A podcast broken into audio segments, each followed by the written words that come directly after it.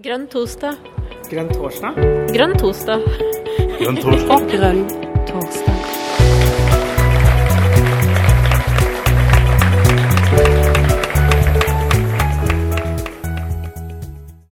Hjertelig velkommen til Grønn torsdag.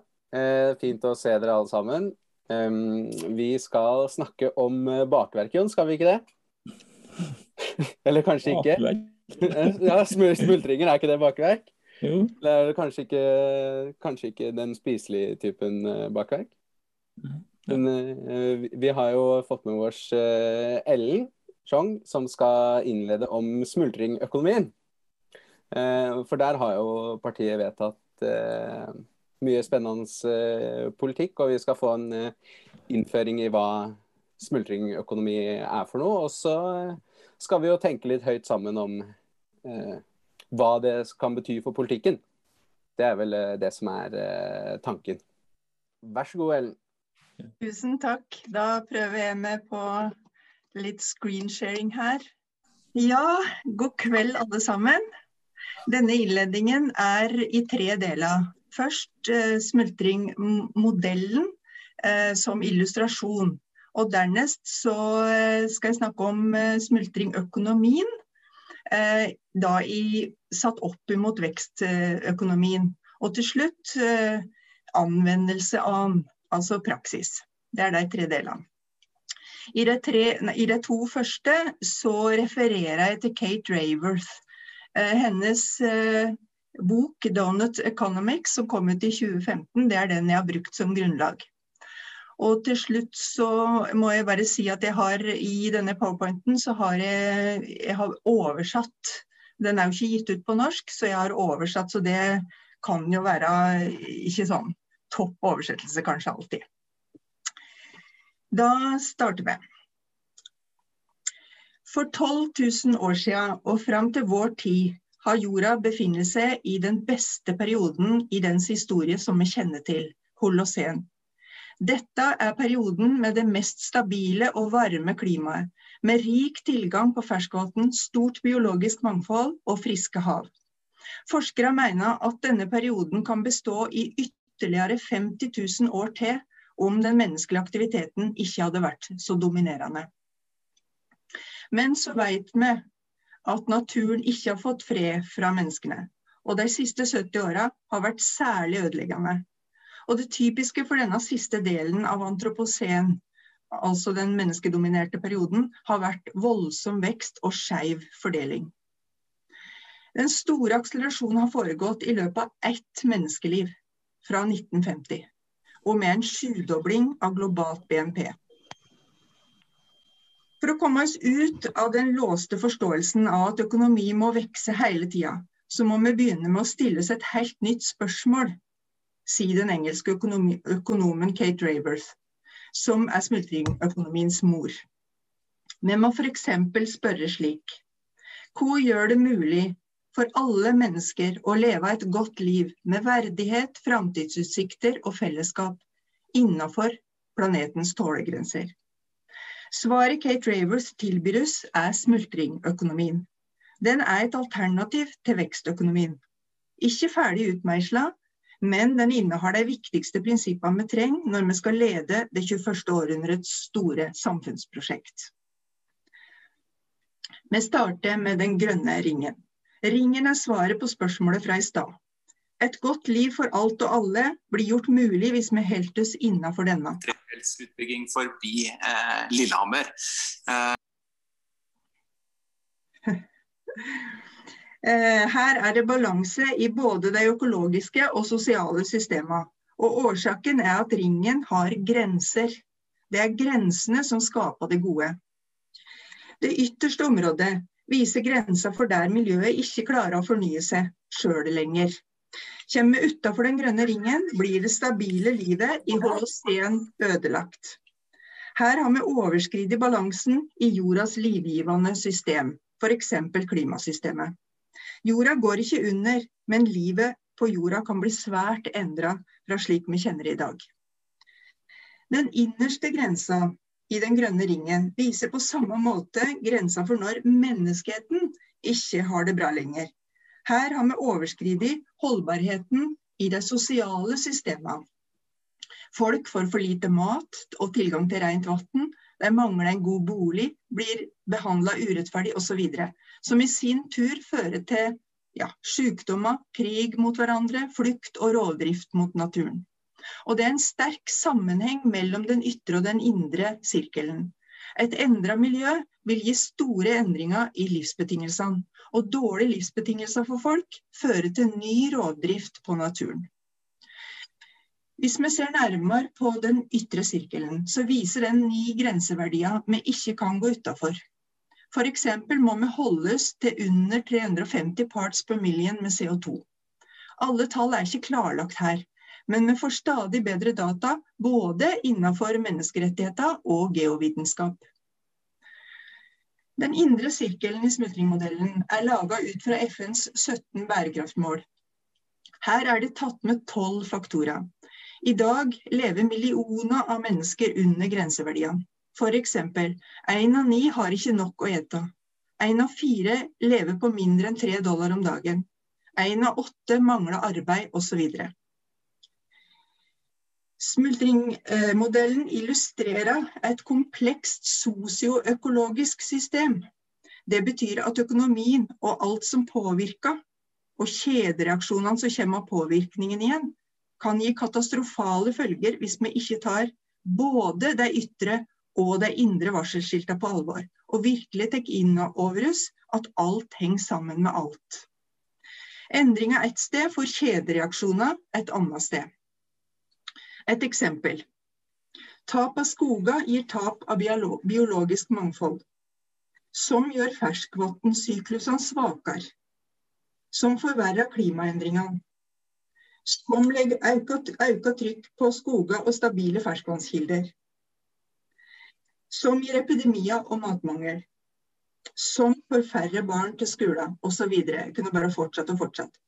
Dette er bare noen bitte små og svært enkle eksempel på påvirkning og kjedereaksjoner.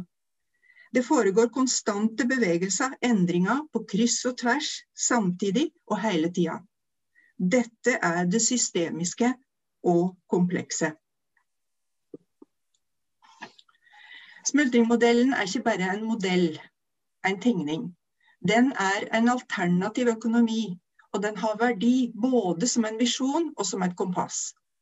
Den er drømmen om det samfunnet vi antagelig innerst inne lengter etter alle sammen, og veit er varig godt for oss. Som visjon gir den kraft og energi til å ville nå dit. Som kompass er den et verktøy vi kan starte å bruke allerede i dag, fordi den gir veiledning og retning for alt vi gjør. Kompasset passer på at alle de små bestemmelsene og valgene vi gjør, tjener helheten. Jeg sa at smultringmodellen er den helhetlige drømmen vår, en visjon. Men vi kan også si at den er ei fyrlykt, en enorm varsler. Det røde her betyr overskridelse av både naturens og den sosiale grensa. Vi ser manglene og overforbruket på hver side. Smultringen er altså et kontrollorgan for hvordan det står til i verden, men kan også brukes som kontrollorgan for et enkelt land og en by eller en bygd. Etter hvert som vi får inn flere og mer nyanserte data, så kan vi fylle inn. Modellen taler sitt tydelige språk, og vil da ha en enorm kraft som en politisk vil måtte forholde seg til. Dette er for meg det mest begredelige bildet. Figuren har noe sjokkarta ved seg. Her ser vi hvordan vårt eget land bidrar til å gjøre situasjonen verre. Ikke bare for oss sjøl, men for resten av verden. Og vi tror sikkert at vi er mye bedre enn Kina, men egentlig så er vi en versting. Konsekvensene kjenner vi. Sett i et systemisk perspektiv så blir resultatet av den dårlige påvirkningen på mennesker og miljø lidelse, sjølsagt, men også tilbakeslag som hevn, og heldigvis at mange også begynner å ta ansvar. Alt det vi har sett til nå, har med økonomi å gjøre. Kate Ravers sier at det er en klar sammenheng mellom vekstøkonomien og de store krisene vi nå er oppe i. Vekstøkonomien tar ikke hensyn til at ressurser kan brukes opp for alltid. Vekstøkonomien har uten tvil ført til framskritt for folk, men ikke rettferdig og for alle. eh, ikke minst framtidas generasjoner. Så hvor ligger i begrepet framskritt i dag, spør Kate Raworth. Hvis vi forstår at vekst ikke er framskritt, hvor er framskritt i dag da? Smultringøkonomien og vekstøkonomien bygger på, en, på helt forskjellige måter å tenke på. De to tenkesettene utgjør hvert sitt paradigme. Det er grunnleggende forskjeller i forståelsen av verden som ligger bak. Og det er kanskje det aller viktigste for oss å få ta, skikkelig tak på. Så nå skal jeg gå nærmere inn på de to tenkemåtene, og hva som er de fundamentale skillene mellom dem, trinn for trinn. Til sammen presenterer Kate Raworth sju sentrale prinsipp. Dette bildet viser den kanskje viktigste grafen i den rådende økonomiske teorien, fordi den forteller om målet. BNP-vekst betyr at markedsverdien på de varene og tjenestene som blir produsert innenfor landets grenser på ett år, skal stige. Og, er, og det ønskelige er at de stiger år for år uten slutt. BNP-vekst er sentrum for de økonomiske samtalene i verden. På studiesteder, blant økonomer og for statsledere. Vekst blir sett på som det normale. Det tas for gitt at det er grunnlaget for alt. Denne tenkningen har bredt seg utover hele samfunnet og legger premisset for politikken. Fordi en på 1800-tallet fikk ideen om at økonomien blir styrt etter lova på samme måte som naturlovene, har økonomien blitt ei verdifri sone. En kan jo ikke stille moralske krav til en lovmessighet. Nå må tyngdekraften begynne å bli snill og rettferdig, liksom. Har noen prøvd å sette spørsmålstegn ved vekst, har det nærmest vært det samme som å begå politisk sjølmord, sier Kate Raworth. Det ligger med andre ord ekstrem makt i denne figuren. Den har holdt og helt fortsatt annen tenkning nede. Opp mot dette gir smultringøkonomienes et helt annet mål. Det er ikke vekst, men at folk skal få tilstrekkelig av det de trenger innenfor naturens tålegrense, som burde være målet. Det målet er moralsk og helhetlig. Det handler om menneskelig velstand, det også, men i et blomstrende nettverk av liv. I stedet for å jage oppover pila, skal vi trives sammen, og med alt annet liv, i balanse. Dette er grunnmodellen for vekstøkonomien. Opprinnelig meint å bare vise det finansielle kretsløpet, men som har blitt stående som selve økonomimodellen. Den handla om hvordan pengene skal få flyte mest mulig fritt mellom produksjon og forbruk. Smultringmodellen tegner opp helt en helt annen og større virkelighet, der alle viktige faktorer har fått plass. Fra sola og jorda ytterst, som gir oss råstoff til produksjonen, og som jo foregår inni et samfunn. Her er det et klart og etisk mål om at økonomien skal tjene samfunnet som helhet. Inni økonomisirkelen spiller markedet absolutt en kraftfull rolle men det gjør også husholdningene og allmenningene, altså det vi har felles. Staten er en helt nødvendig samarbeidspartner i økonomien. Innenfor og mellom disse fire systemene foregår den finansielle flyten som vi så på i stad. Dermed skulle det ikke være vanskelig å se hvilken modell som reduserer og som er snever, og hvilken som tar med hele bildet, helheten. I sentrum for den dominerende nasjonaløkonomiske teoribyggingen står homo economicus. Homo economicus er menneske, slik det blir oppfatta og brukt som grunnlag for modellene og tenkningen i dette paradigmet. Det antas at vi alle opptrer som homo economicus.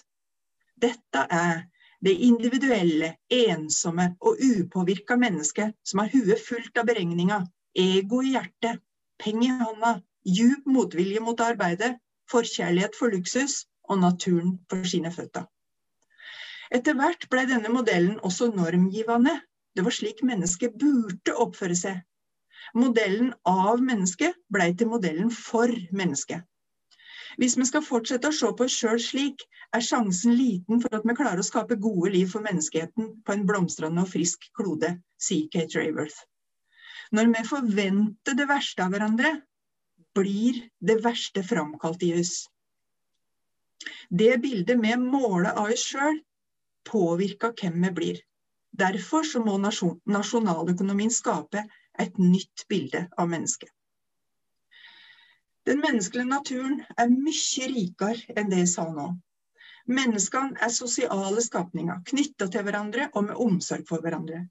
Vi kan absolutt være egoistiske, men også usjølviske, rettferdige, sjenerøse og solidariske.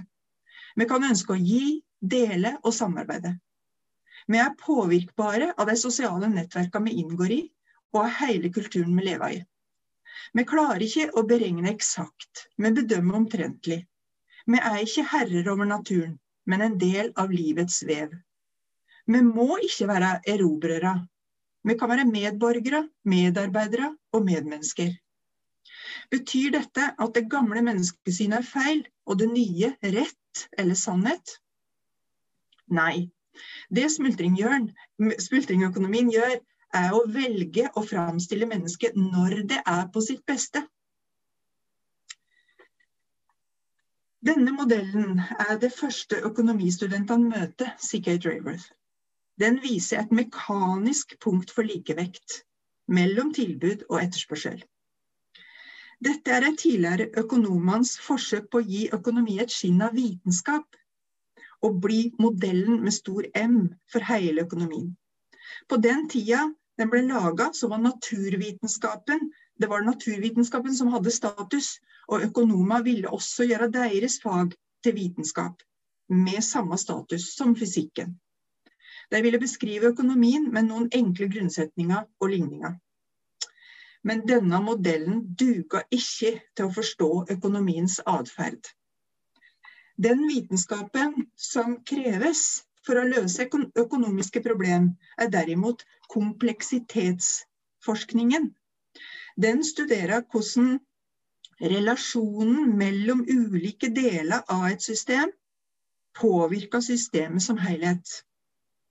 Siden oppstart av 70-tallet har denne vitenskapen vendt opp ned på en rekke forskningsfelt fra studiet av økosystem og datanettverk til værmønster og smittespredning, for å nevne noe.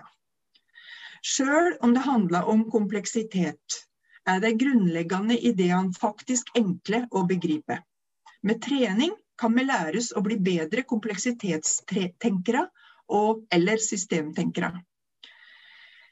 En enkel og kanskje litt kunstig forklaring som Kate Raworth bruker, er høneeksempelet hennes. Vi tenker oss en mengde, et forråd, et innhold av noe. F.eks. høner som legger mange egg.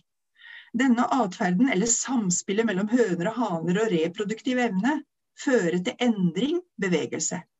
Nemlig at det blir flere egg som blir kyllinger, som etter hvert blir nye høner som legger nye egg, og som blir til enda flere kyllinger osv. Denne sirkelen kalles ei forsterkende sløyfe, F. Populasjonen vokser. Men så møter hønene ei fare, f.eks. at de må krysse en vei for å få mat, og der er det biler som kjører over deg. Den sirkelen med høner som krysser veien og blir drept, kan kalles ei balanserende sløyfe, B, fordi hun utjevner den økende populasjonen. Men det er ikke sikkert systemet regulerer seg jevnt, fordi det f.eks. kan skje en forsinkelse. Kanskje et veiarbeid omdirigerer trafikken, og hønene kan fritt gå over for en periode. Da vil ikke populasjonen balanseres, men vokse. Tenkningen kan brukes på populasjoner som dette, men på alt annet også. F.eks. fenomenet tillit. Tillit kan sies å være en mengde, et innhold. Hvis den ene sløyfa handler om at tillit i et samfunn blir bygd opp, kan et politisk vedtak eller en atferd raskt rive ned denne tilliten i den andre sløyfa, og som en så må bruke lang tid på å bygge opp igjen. Kjerneelementene i et system er altså beholdning, påvirkning, endring. Og endringen tar form som auke eller minking. Og Reaksjon, altså påvirkning tilbake på tidligere påvirkning, som gir ny endring osv. i en kontinuerlig flyt. I og for seg enkelt, men komplekst når alt begynner å virke inn på hverandre, og system virker på system. Mange overraskende og uforutsigelige begivenheter oppstår ut av samspillet mellom elementene i systemet. Samspill er derfor et nøkkelord i systemisk tenkning. Vi må skape gode samspill som balanserer i naturen, og vi må skape gode samspill mellom folk i de sosiale systemene. Samspill som bygges opp og får oss alle til å blomstre og ta ut hele vårt potensial. Både mennesker og miljø skal blomstre. Det uforutsigbare i reaksjonene tilbake gjør dette til noe helt annet enn mekanikk og enkle årsak-virkning-forklaringer. Vekstøkonomien hører til i en mekanistisk verdensoppfatning, mens smultringøkonomien hører til i en organisk verdensoppfatning. Derfor så går det an å si at den aller største krisa i verden er egentlig forståelseskrisa. Vi er låst fast i den gamle, forenkla og lineære maskintenkningen. Den femte modellen av de sju viktige Kate Raworth trekker fram, er den såkalte Kotsnets-kurva, som skaperen Kotsnets fikk nobelpris for, og som Verdensbanken kom til å betrakte som en økonomisk lov.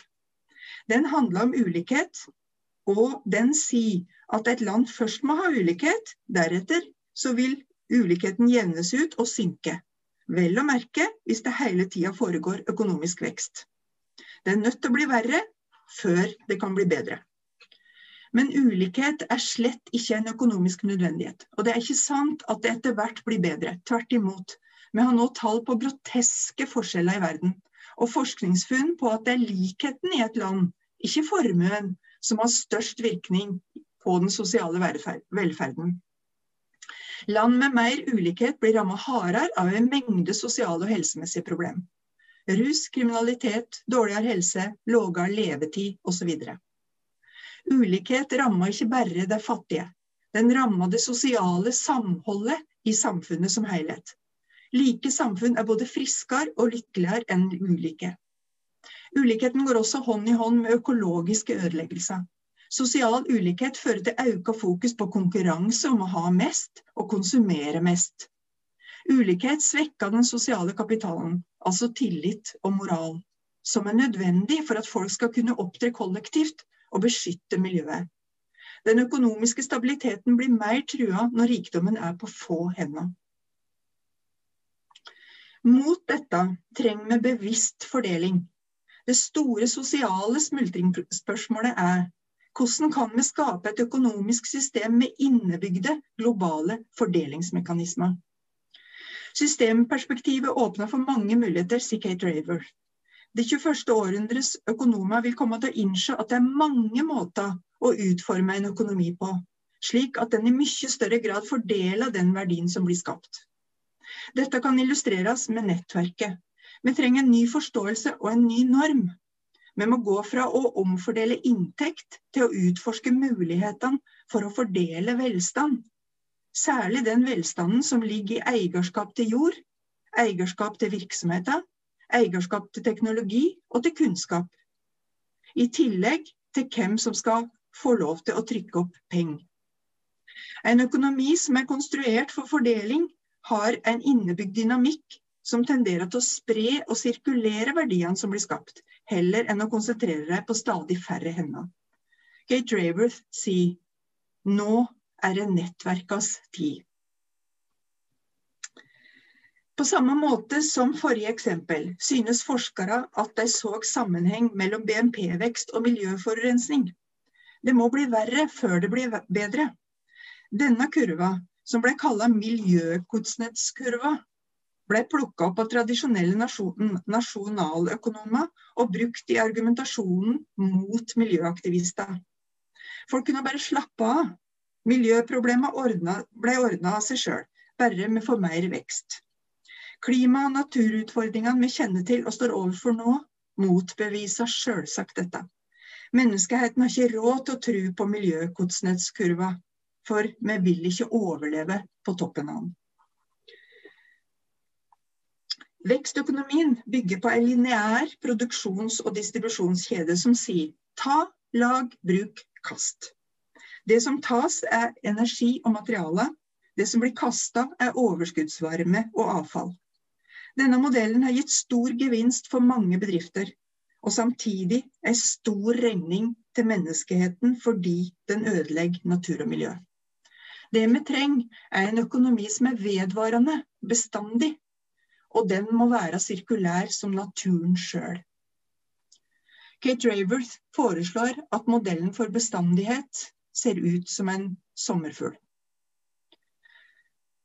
Vi finner igjen ta, lag, bruk, men ikke kast i kroppen til sommerfuglen, hvis de ser i midten av modellen og ovenfra og ned. Dette gjelder for både organiske materialer som jord, vekster, dyr, og tekniske materialer som plast, syntetisk materiale og metall.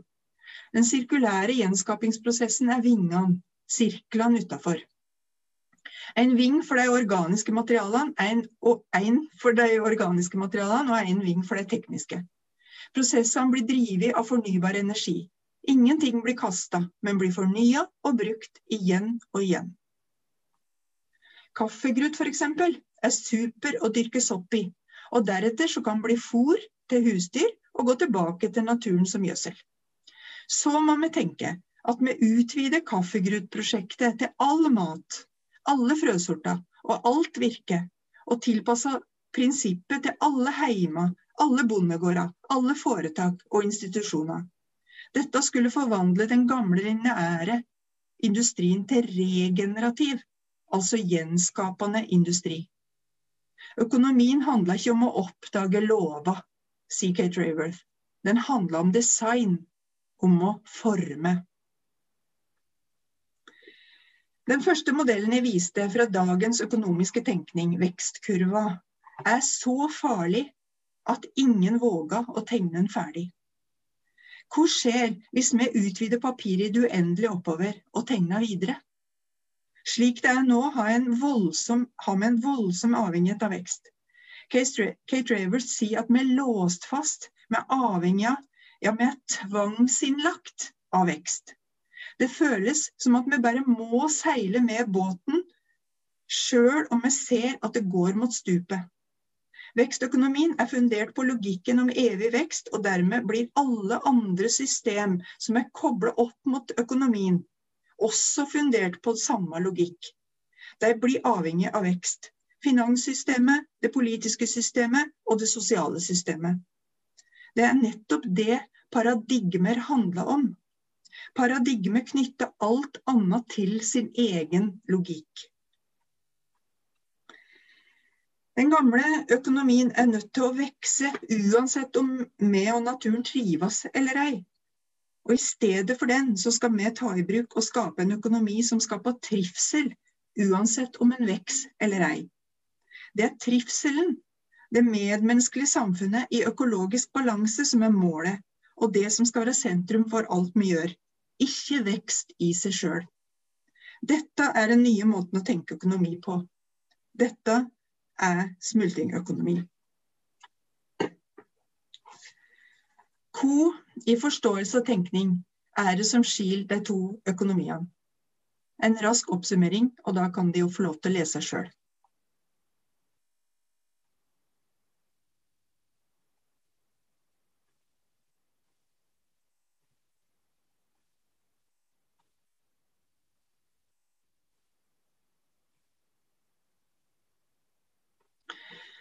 Og da har jeg kommet fram til siste del. De praktiske konsekvensene av å forstå at vi må ha et nytt paradigme. Hvis MDG skal lede an til Smultring-Norge, hva vil det bety? Jo, da må vi jobbe for oppslutning av en annen økonomisk modell. Både i og utafor de parlamentariske organene. Slik at vi endrer målet for økonomien. Vi ser det store bildet, helheten, vi ivaretar hele menneskeheten. Vi forstår systemisk tenkning. Vi utformer måter å fordele på til alle. Vi skaper mulighet for sirkulær fornyelse. og setter trivsel i sentrum, med eller uten vekst. Det jeg sier videre nå, er mine tanker og ideer, men jeg bygger på ideer fra den internasjonale smultringlaben som ligger på nettet, og som Kate Raworth er i sentrum for. Jeg går igjennom det etter hvert, så her er bare et overblikk. Forstå, samle, tilpasse, lede, lære. Å forstå sammen eh, betyr å legge opp til dialoger.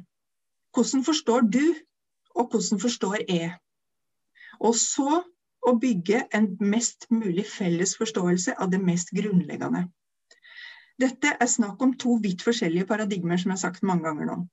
Hvis vi ikke forstår smultringtenkningen i dybden, de sju prinsipper, så vil sannsynligvis ikke praksis heller endre seg grunnleggende.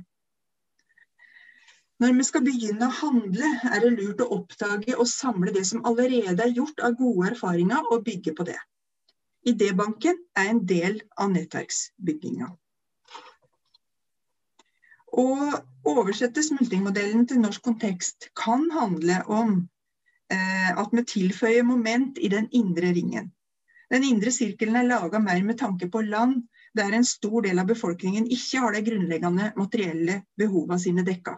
Det er kanskje derfor viktige sosiale behov ikke er med. F.eks. gode relasjoner, mestring og mening og sjølbestemmelse. Å oversette smultringøkonomien til norsk kontekst handler også om å bruke den på Stortinget. MDG vedtok lands, på landsmøtet å jobbe for et statsbudsjett etter prinsippene i smultringøkonomien. Det kan f.eks. i første omgang bety å trekke den inn som et kompass for å lage alternativt budsjett. Hvis vi ikke skulle få MDG finansminister til høsten, da. Men vi skal ikke bare oversette. Vi skal forestilles å oversette til norsk kontekst. Det gjør vi Unnskyld. Når vi lager framtidsfortellingen om den sjenerøse byen. Den sjenerøse byen Oslo, den sjenerøse bydelen Ullern, den sjenerøse bygda Hemsedal, den sjenerøse byen Tønsberg. Den sjenerøse byen har sitt forbilde i naturen. Og den blir laga med ståstedet sitt i framtidsfortellingen, i framtida. Vi handler nå ut fra de konkrete framtidsbildene vi ser for, oss i det nye økonomiske paradigmet. Med de sju nye prinsippene som rettesnor. En liten smakebit på det kan være omtrent sånn som dette. Tenk om vi i vår by kunne utforme både bedrifter, boliger og bylandskap etter regenerative, altså gjenskapende prinsipp, slik at vi blei en sjenerøs by. Vi ville hatt trivelige boplasser som virka sammen med det levende miljøet. Vi ville utvinne det vi kunne av solenergi, binde karbon, lagre regnvann, berike jorda med avfallsressursene våre osv. Dette inspirerer arkitekter og byplanleggere til å konstruere nye bygninger og landskap som er like sjenerøse og sirkulære som villmarka. Her er det tak- og veggdyrking, fortau som absorberer vann, bygninger som binder CO2, håndterer sitt eget avløp og forvandler det til gjødsel. Alt i en infrastruktur med viltkorridorer og urbant landbruk. Og tenk om vår by også bygde på en fordelingstenkning. Vi ville kanskje ha mikronett med fornybar energi som gjør hvert hus til elprodusent. Vi ville hatt boliger til overkommelige priser, forbindet med billig, kanskje gratis kollektivtrafikk. Folk som forvalter og driver denne regenerative, gjenskapende industrien, skaper meningsfulle jobber. Arbeidsplassene er nær heimene. Tenk om bedriftene turte å gå langt nok. Tenk om de slutta å være ensidig tilpassa aksjeeiernes interesser, som i dag. De slutta å være toppstyrte, sitte på patenter og være splitta i et antall ikke-samvirkende deler. Tvert imot ble de nettverkorganiserte, med åpne kilder og med gode samspill seg imellom, der alle fikk være på sitt beste. En gjenskapende industri kan bare bli virkelig hvis den blir støtta av en gjenskapende økonomi. Tenk om vi klarte å endre balansen mellom markedet, husholdningene, fellessammenslutningene og staten. Tenk om vi hadde en annen hensikt med handel og andre oppgaver i finanssektoren enn bare å tjene mest mulig penger. Kanskje både staten og finansfolk i stedet belønna gjenskapende metoder. Tenk når folk har fatta poenget med regenerativitet, gjenskaping. Hvor motiverte og kreative kan vi ikke komme til å bli? Og tenk når denne byen samtidig tenker på miljøet og menneskene globalt. Da er byen sjenerøs. Da kan den portretteres som en modell for andre. Å lede portrettprosesser handla bl.a. om å kunne skalere smultringmodellen ned til lokalt nivå. En bydel eller en bygd trenger ikke å vente på at hele nasjonen skal endre den økonomiske tenkninga si. Dernest så handler det om å sette et hovedfokus. F.eks.: Hvordan kan byen vår bli som et godt hjem hvor natur og mennesker blomstrer og tar ut sitt beste samtidig som vi respekterer velferden til hele menneskeheten og hele planetens helse. Og så handler det om å kunne lede mange ulike grupper av deltakere i å lage framtidsfortellinga og by bygdeportrett sammen. Kit Ravers foreslår fire sentrale perspektiv for å lage det nye by-bygdeportrettet. Først det lokale og sosiale perspektivet. Hvordan kan alle mennesker i byen vår bidra til alles trivsel, grunnlagt på våre verdier og vår visjon? Og så det lokal, lokale og økologiske perspektivet. Hvor ville det bety for byen vår å gi like mye tilbake til naturen som det ubebodde landskapet utafor gjør. Altså ha naturen som forbilde. Så globalt og økologisk perspektiv. Hvordan kan byen vår begynne å respektere hele planetens helse? Og det fjerde perspektivet, globalt og sosialt. Hvordan kan byen vår respektere velferden til hele menneskeheten? Å lede slike gjentagende og deltakende prosesser er en særegen kompetanse. Men den kan læres. Vi starter ikke på scratch. Kate Raworth har starta det internasjonale smultringlaboratoriet, og det er bare å melde seg inn. På samme måte kan vi lage et norsk laboratorium. Det er mange ildsjeler, mange tilhengere og mange som snuser på smultringideen nå. Amsterdam var den første byen i verden som tok i bruk smultringmodellen, Irland skal visstnok være det første landet. I Norge har organisasjoner som Spire, Attack og Rethinking Economics slutta seg til, og Enova har, sluttet, har støtta smultringprosjekt f.eks. på Grønlikaia i Oslo. Her ser vi verksted i Amsterdam, Portland og Philadelphia. Alt sånt legitimerer og gir tyngde. Og om ei uke fra i dag så arrangerer Smultring Oslo det andre digitale møtet i en serie de har på fire. Og denne gangen så er Kate Raworth sjøl med digitalt, da. Det bør jo alle se, så sant de kan. Og det var det jeg hadde tenkt å si. Så i samtale med Jonas så har vi funnet ut at det mest konstruktive nå er kanskje ikke å diskutere for og mot smultringøkonomien, men hvordan vi kan begynne å bruke smultringøkonomien i Norge. Jeg har derfor forslag til to spørsmål for dialogen nå i etterkant. Og da forsvant eh, kanskje share-screeningen min. Da overlater jeg ordet til Jonas. Takk for meg så langt. Ja, jeg skrudde den kanskje av litt fort.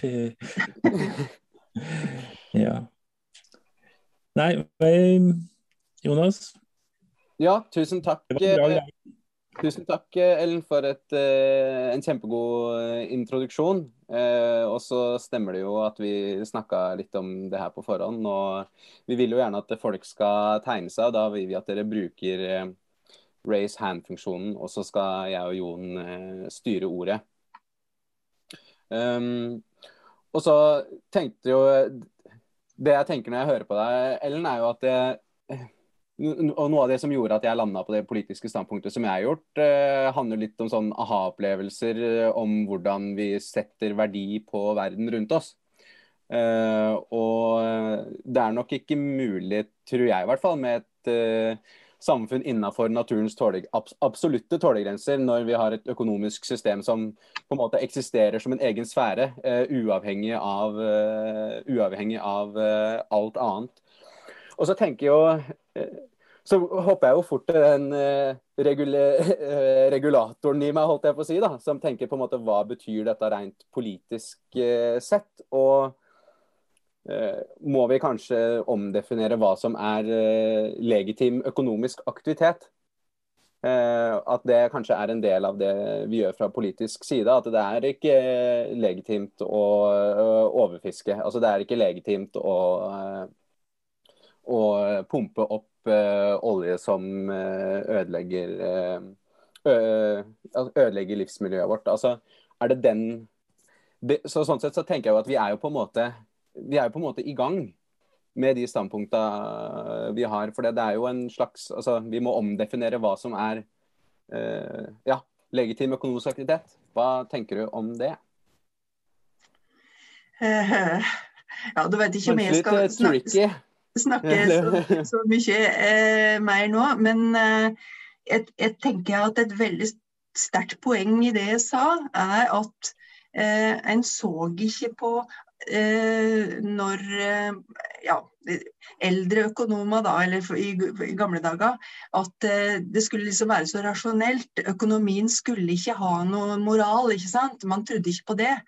Man tenkte ikke det gikk an fordi at dette er lov, det er naturlov. Det må være sånn. Men jeg tenker at økonomien må tilføres moral. Og da vil vi handle annerledes. Vi er nødt til å handle, handle annerledes. Jeg vet ikke om det var svar på det du egentlig spurte om, Jonas. Men eh, jeg syns ikke jeg skal, skal snakke eh, mest nå, for nå tenker jeg det må jo slippe til folk. Mm. Ja, eh, vi får nå se om det er noe, flere, flere tør å kaste seg ut på. Jeg tenker jo altså, Jeg har jo tenkt lenge at vi må jo gjøre et eller annet med økonomien. Og hvordan altså, Jeg tror jo ikke noe på den altså, revolusjon som man snakka om i, i, gamle dager. Eh, eh, det, det, får man ikke til når folk har det så godt som de har i dag. Eh, så hvordan komme i gang med endringer? Og jeg registrerte jo det du hadde på, på slutten.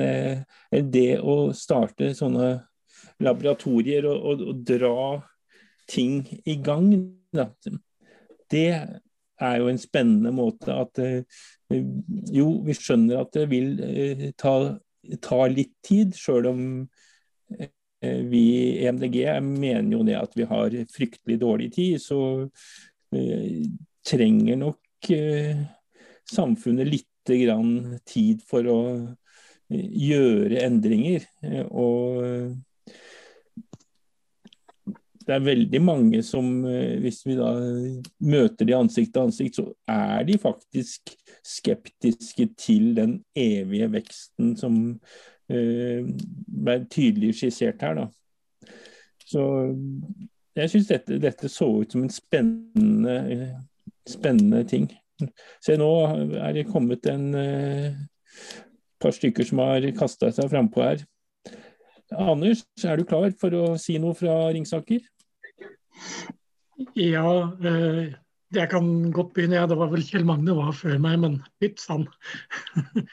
eh, det er mer en observasjon. Det, beit meg merke noe av det siste du sa der, Ellen, om, eh, om økonomi og moral.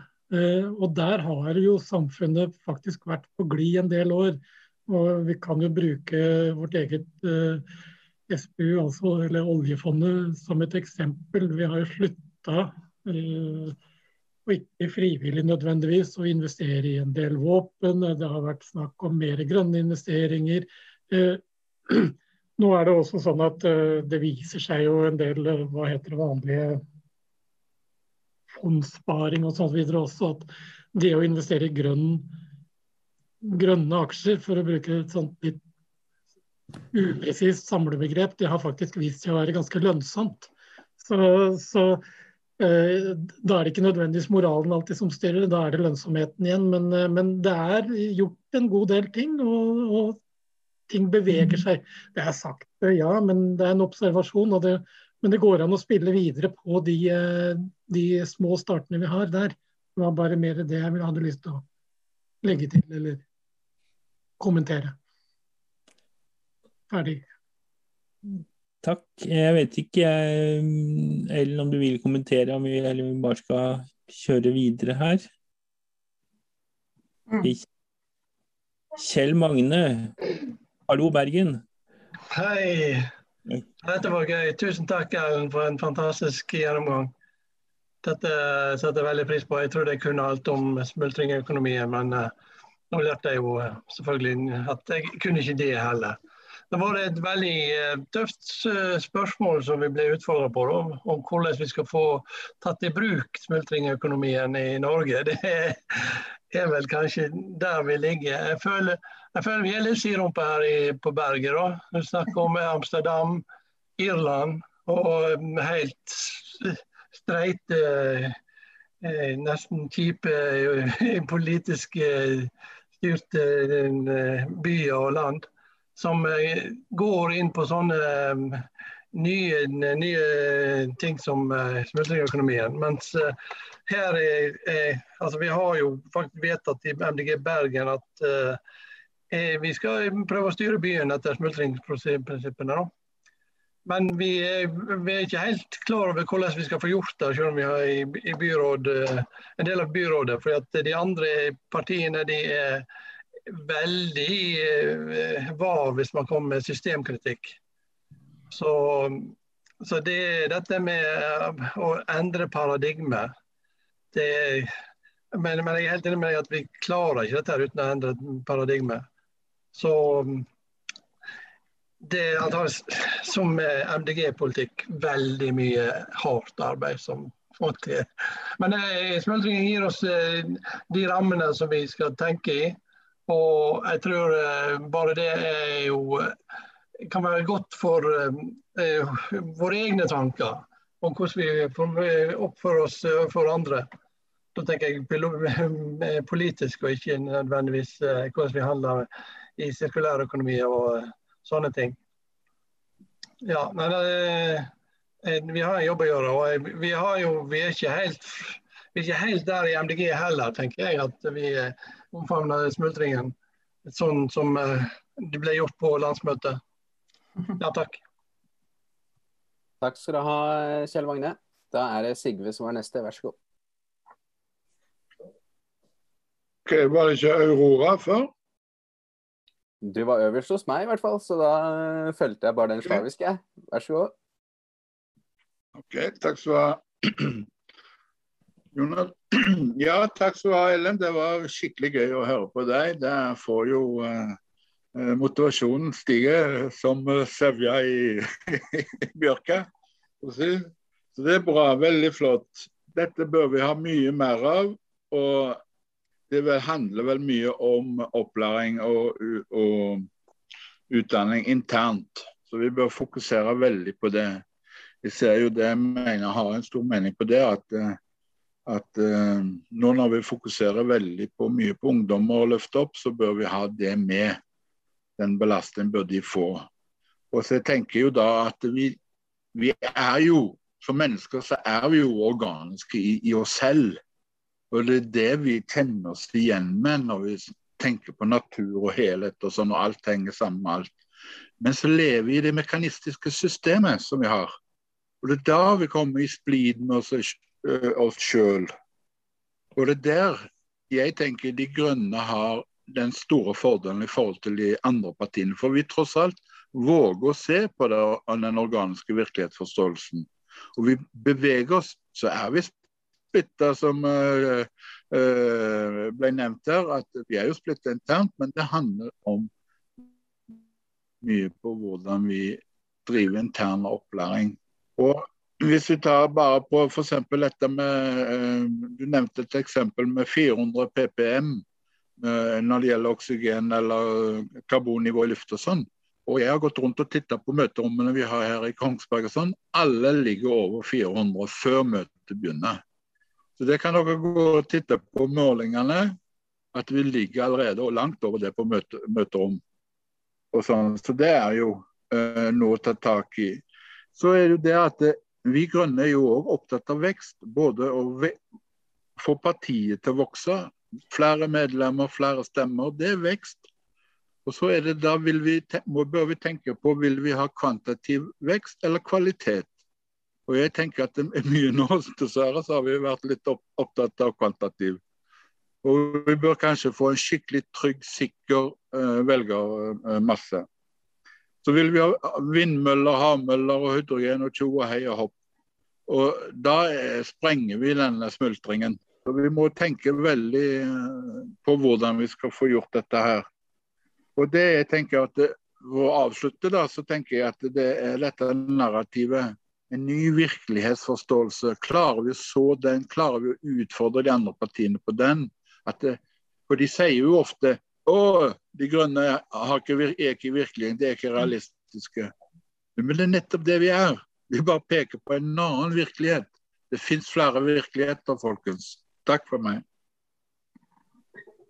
Takk for uh, gode refleksjoner, uh, Sigve. Da skal Aurora få ordet, og så er det Bjørn, og så Christian. Vær så god, Aurora. Takk for det, Jonas, og takk for et kjempeinteressant møte og en kjempeinteressant innledning. Jeg er jo supergira på smultringøkonomi. Jeg tror det er fremtida. Jeg tror det er sånn vi må begynne å tenke, og vi må jo det. Hvis vi skal eh, levere tilbake en klode som eh, ligner bitte litt på den vi tok over når den tid kommer. Så men jeg er jo bystyrepolitiker i Trondheim og sitter som nestleder i miljø- og næringskomiteen her. Og jeg lurer litt sånn på hvordan kan jeg løfte det her på kommunalt nivå? Det er litt uh, videre på det Kjell Magne fra Bergen snakka om. det Hvordan få med andre, og, hvordan, og hvor, ende skal man begynne i? Nå har vi fått på plass uh, klimabudsjett og driver og skal telle utslipp som penger, som er en god start. Og egentlig er litt inn på samme tankegang. Men hvordan kan vi er det mulig? For jeg har ikke så veldig stor tro på at når regjering kommer til å innføre det her med det første. Men eh, en by som Trondheim, da, som er en eh, middelstor by i Norge og en liten by i Europa, er jo et ganske lukka system der man kan, eh, kanskje kan teste ut. Men, eh, men hvor begynner jeg som en enkel MDG-politiker i en middelstor by i Norge? No, om noen har noe innspill til det, så er det kjempespennende. For det er jo så synd når man først legger det frem, hvis alle bare stemmer det ned som en fordi at de ikke forstår hvordan vi tenker. Takk. Spennende. Eh, vi får se om noen kommer opp med noen eh, gode svar til deg. Eh, Bjørn har tegna seg i chatten her. Eh, og så er det Kristian og Johan og Håkon og, og sånn. Og, eh, fint om dere fatter det litt i korthet, så får, kommer dere på, Bjørn? Ja, hører du meg? Ja. ja. Eh, tusen takk, Ellen. Det var veldig inspirerende innlegg du hadde. og jeg har tenkt litt i forkant av dette møtet, og mens du prata og hører på innspillene fra dere andre, sånn, hvordan, hvordan kom vi kom i gang. og jeg tror et, eh, et, et, mulig sted å begynne er på lokalt nivå, altså enten det er Trondheim eller i Tønsberg eller i de byene eller bygdene vi bor i. Ehm, når jeg har sett litt på den internasjonale litteraturen, når vi oppsummerer litt erfaringa, så er det i hvert fall én oppløftende erfaring. og det er sånn Vi kan begynne med oss sjøl. Altså det, det ser til å være to viktige steder man kan begynne på på kommune- eller bynivå. Det ene er enten fra et, fra et bystyre som politiker, du kan jobbe fra administrasjon og prøve å promotere modellen og si at det, dette eh, er spennende og interessant. Hvem har lyst til å utforske de mulighetene som ligger i modellen? Men det andre nivået som er tiltaler meg, for jeg er ikke politiker og sitter ikke i et bystyre, det er at hva kan jeg gjøre som innbygger? Og det de peker på som viktige erfaringer, er på en måte vi kan begynne med våre egne nettverk. Eh, i, i, Berlin tror jeg det var så starta det hele med at man begynte en, tok et initiativ på LinkedIn, altså på et sosialt nettverk, og sa hvem er interessert i å bringe Berlin inn i smultringen. Og så begynner man med seg sjøl, og så begynner man med de som på en måte er interessert i å, å delta i arbeidet. Og det er sånn at det, det gjøres veldig mye godt arbeid allerede. Så begynne å utforske hva har folk av engasjement, hva har folk av ideer. Eh, og hvordan kan man bygge videre på alle disse initiativene, ideene og de ressursene folk har. Og Da handler det veldig mye om hvordan man møter folk eh, i samtaler hvor man er åpen for folks ideer. Og det, det, man i hvert fall peker på er at uh, Du kan begynne på uendelig mange steder. Det er ikke ett sted, men du kan begynne der engasjementet til folk er, for å få til en bærekraftig og sunn by- eller bygdeutvikling. Så i hvert fall jeg kan jeg tenke meg å begynne der jeg er, i, i min kommune. Og så er jeg veldig avhengig av å kunne tenke å få samarbeid og støtte fra andre som vil begynne i sine kommuner på sine steder. Og så etablere et nettverk hvor vi kan lære av hverandre og støtte hverandre. Eh, med utgangspunkt i å vinne erfaringer og lære underveis. Takk. Takk, Bjørn. Kristian? Ja, først vil jeg si uh, tusen takk, Ellen, for en fantastisk flott gjennomgang av, av, um, av dette temaet. Og jeg får jo virkelig, jeg skjønner at jeg må lese den boken en gang til, for det, der er det mye, altså. Og um, disse syv forskjellige måtene å tenke på, hvorav uh, smultringen på en måte er kanskje en, en sentral en, da. Men jeg tenker at uh, ja, for det er jo det, det, er det som teori versus praksis her, som er sånn Nå er mye fornuftig sagt, så jeg skal for, for, fatte meg veldig kort. Men uh, premisset hennes er jo at den, disse grunnleggende teoriene brukes av økonomer. og de, Hun skriver jo egentlig litt til økonomer og til økonomistudenter. slik at disse, disse grunnleggende tankene om vekst betyr så mye. Eh, de påvirker liksom alt. Men samtidig så kan vi nok begynne Jeg, tror, jeg har litt tro på det som egentlig har blitt sagt, å, å begynne lokalt. og begynne, uh, begynne, å jobbe med det. Og så kommer da den forstå, liksom forståelsen ut fra den praksisen. Så jeg tror det er sånn, så jeg tenker at det, det må være måten å gjøre det på. Og da finnes det jo um, Jeg har ikke svarene til Aurora spørs, gode spørsmål hvordan gjør vi dette uh, i min by, men uh, der, der utvikles det jo ting nå. altså Dette er jo ikke noe fasit ferdig laget. Men så man må jo kanskje koble seg på de miljøene som gjør dette, da, eh, i Amsterdam, i Brussel um, og, og, sånn, vil jeg tro, og de nettverkene som er oppretta. Uh, og så er det jo da uh, Og jeg tror noe av det som på en måte vil komme frem en, når man setter seg ned på en by og For der finnes det jo praktiske verktøy. Disse fire uh, sånne um, portretter man tar av byen sin. Og da kommer det veldig frem sånne ting som hvordan, jeg, hvordan min by påvirker verden. Altså, og Dermed så kommer den moralske eh, og annerledes tankegangen inn med de systemene, tror jeg. Ja. Takk for meg, men det er veldig spennende. Tusen takk, Kristian. Eh, Johan er neste, vær så god. Eh, takk.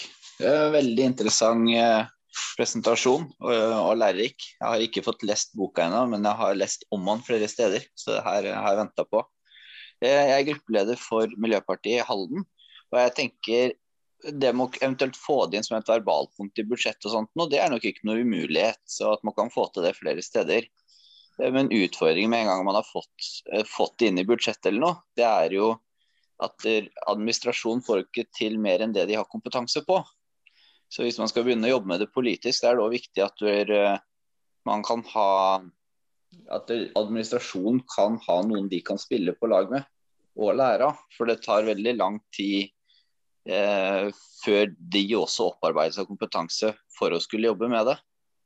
Eh, så det må jo det tror jeg er veldig viktig at man får kommet i gang der man kan komme i gang. For å bygge den kompetansen både hos politikere og administrasjon hos innbyggerne. Det kommer til å ta det vil ta litt tid. Så det, jeg, ja, jeg er inspirert til å begynne der jeg kan begynne. Og så tror jeg har veldig tro på de tankene. Takk. Takk, Johan. Eh, jeg tror nok også det at det, dette er noe man kunne fått inn som et verbalforslag, men eh, må, det må være noe mer rundt det. For, for å, at administrasjonen faktisk skal kunne greie å ta tak i det. For eh, Hvis, det kom, hvis vi politikere vedtar noe sånt, nå, så tror jeg rådmannen eller hva det nå heter for noe nå, bare ser ut som et levende spørsmålstegn. Mm. Ja. Men her har vi en lokalpolitiker til ja, fra Bodø. Kan ikke det stemme, Håkon? Det stemmer. Good evening fra Bodø, Nordland. Uh, tusen takk til Ellen for en god presentasjon. Uh, jeg tegna meg da Aurora tok opp det her med hvordan vi praktisk skal, skal sette det ut i livet. Um, jeg sitter som leder for plan- og miljøutvalget i Bodø. Uh, vi skal legge kommuneplanens samfunnsdel på høring om to uker. Uh, jeg har tenkt på det også før møtet i kveld, om, om det var et sted å prøve å få inn noen formuleringer om, uh, om smultringen. Så er jeg veldig usikker. Litt fordi det vil kreve utrolig mye ressurser fra min side å liksom få argumentert for det på en troverdig måte. å få, få, det inn. Altså jeg tenker at Det blir nesten som å foreslå uh, at vi skal problematisere økonomisk vekst. Uh, og det kommer til å bli stemt ned så det synger etter, uh, sånn jeg kjenner bystyret. på den annen side så er det en måte å argumentere litt i dybden på hva grønn tenkning er for noe, som jeg syns er forlokkende, og som nesten er et argument i seg sjøl. Uh, samtidig som jeg er skeptisk til å nødvendigvis ramme smultringøkonomien inn i en sånn partipolitisk boks. Jeg vet ikke om det uh, gjør så mye nytte på, på, lang sikt. Så jeg vet ikke. Uh, vi har Amsterdam og andre byer som har begynt å jobbe med det her. og Det, det kan jo hende at noen syns det er kult nok når man henviser til utviklinga rundt om i den store verden. Men jeg tror kanskje kule trøndere er, er litt bedre stilt enn en oss i Bodø. Så eh, vi får snakkes om det, Rora og Johan. Så får vi nå se om Halden eller, eh, eller Trondheim eller Bodø skal prøve seg. Takk. Takk, Håkon. Eh, nå, er vel du innflytter, så du har vel kanskje ikke helt tatt Bodø på pulsen? Fra Halden, da. Jeg er veldig trua på Halden. Så, så prøv ut det her, Johan. ja. Ja, nei, men eh, klokka har sklidd over ni. Jeg vet ikke, Ellen. Er du her? Ja, jeg er her. Eh, kan jeg få lov til å bare si noe helt på tampen? Ja, ja, nå kan du få oppsummere. Ja, jeg har hørt mange fine innlegg. Eh, støtta det at vi, vet ikke så veldig mye. Eh, det var vel Kristian som sa det. Veien må bli litt til mens vi går. Og da lurer jeg veldig på, for jeg er kjempeivrig på dette. Jeg sitter ikke i noe bystyre, eh, men jeg mener at det kan gjøre For vi må også jobbe med dette her utenomparlamentarisk, og vi må forstå mer sjøl også. Og det var noe av det første jeg sa. altså Vi må, vi må gripe en del av dette skikkelig sjøl. Og når vi gjør det, så blir vi en kraft. Men vi blir det sammen. og jeg kunne kunne godt tenkt meg at vi hadde prøvd å, å få til raskt et uh, nettverk av de som vil, som føler seg virkelig tent på dette her, og så finner vi veien sammen. Så uh, hvis det er noen som uh, vil bli med på det, så ta kontakt. Takk, Ellen. Da er klokka sklidd over ni, som jeg sa i stad. Og da pleier vi å prøve å runde av. Gjør vi ikke det, Jonas? Jo, vi gjør det. Ja. Eh, så håper jeg jo at eh, folk har fått eh, sagt det de at det er ingen som brenner inne med noe. Det mm. har blitt sagt mye klokt, og så håper jeg jo at jeg er jo i likhet med Aurora i, i, Trondheim, og den invitasjonen du kom med nær Ellen, til å få i gang et nettverk, det høres ut som en meget god idé. Så eh, det har vært en eh, flott time. Ja, det har det. Men har vi noe mer program med, i, før sommeren? I, ja, ja. Torsdag? Ja, ja, ja. Ja, ja, det er klart det. Ja. Eh, neste uke så eh, blir det jeg vet ikke om jeg skal kalle det på en måte et brudd litt med det vi har drevet med, med, til nå. Men da får vi besøk av ei som heter eh, Rahma Ahmed, som skal presentere ei bok som hun har skrevet. Og hun skal holde et foredrag som eh, heter å, eh, Som hun har kalt eh, 'Å fange en solstråle'. Eh, og eh, her kommer det et arrangement, sånn som det alltid gjør, med en grundigere beskrivelse av hva hva det vil si. Eh, så eh, vi håper at alle blir med på det og sjekker ut eh, det foredraget. Jeg gleder meg, gleder meg veldig. Mm. Spennende. Så får vi se hvordan det går, og så sier vi tusen takk for alle som bidro og var til stede og lytta og sånn i dag. Og så sier vi takk for i dag.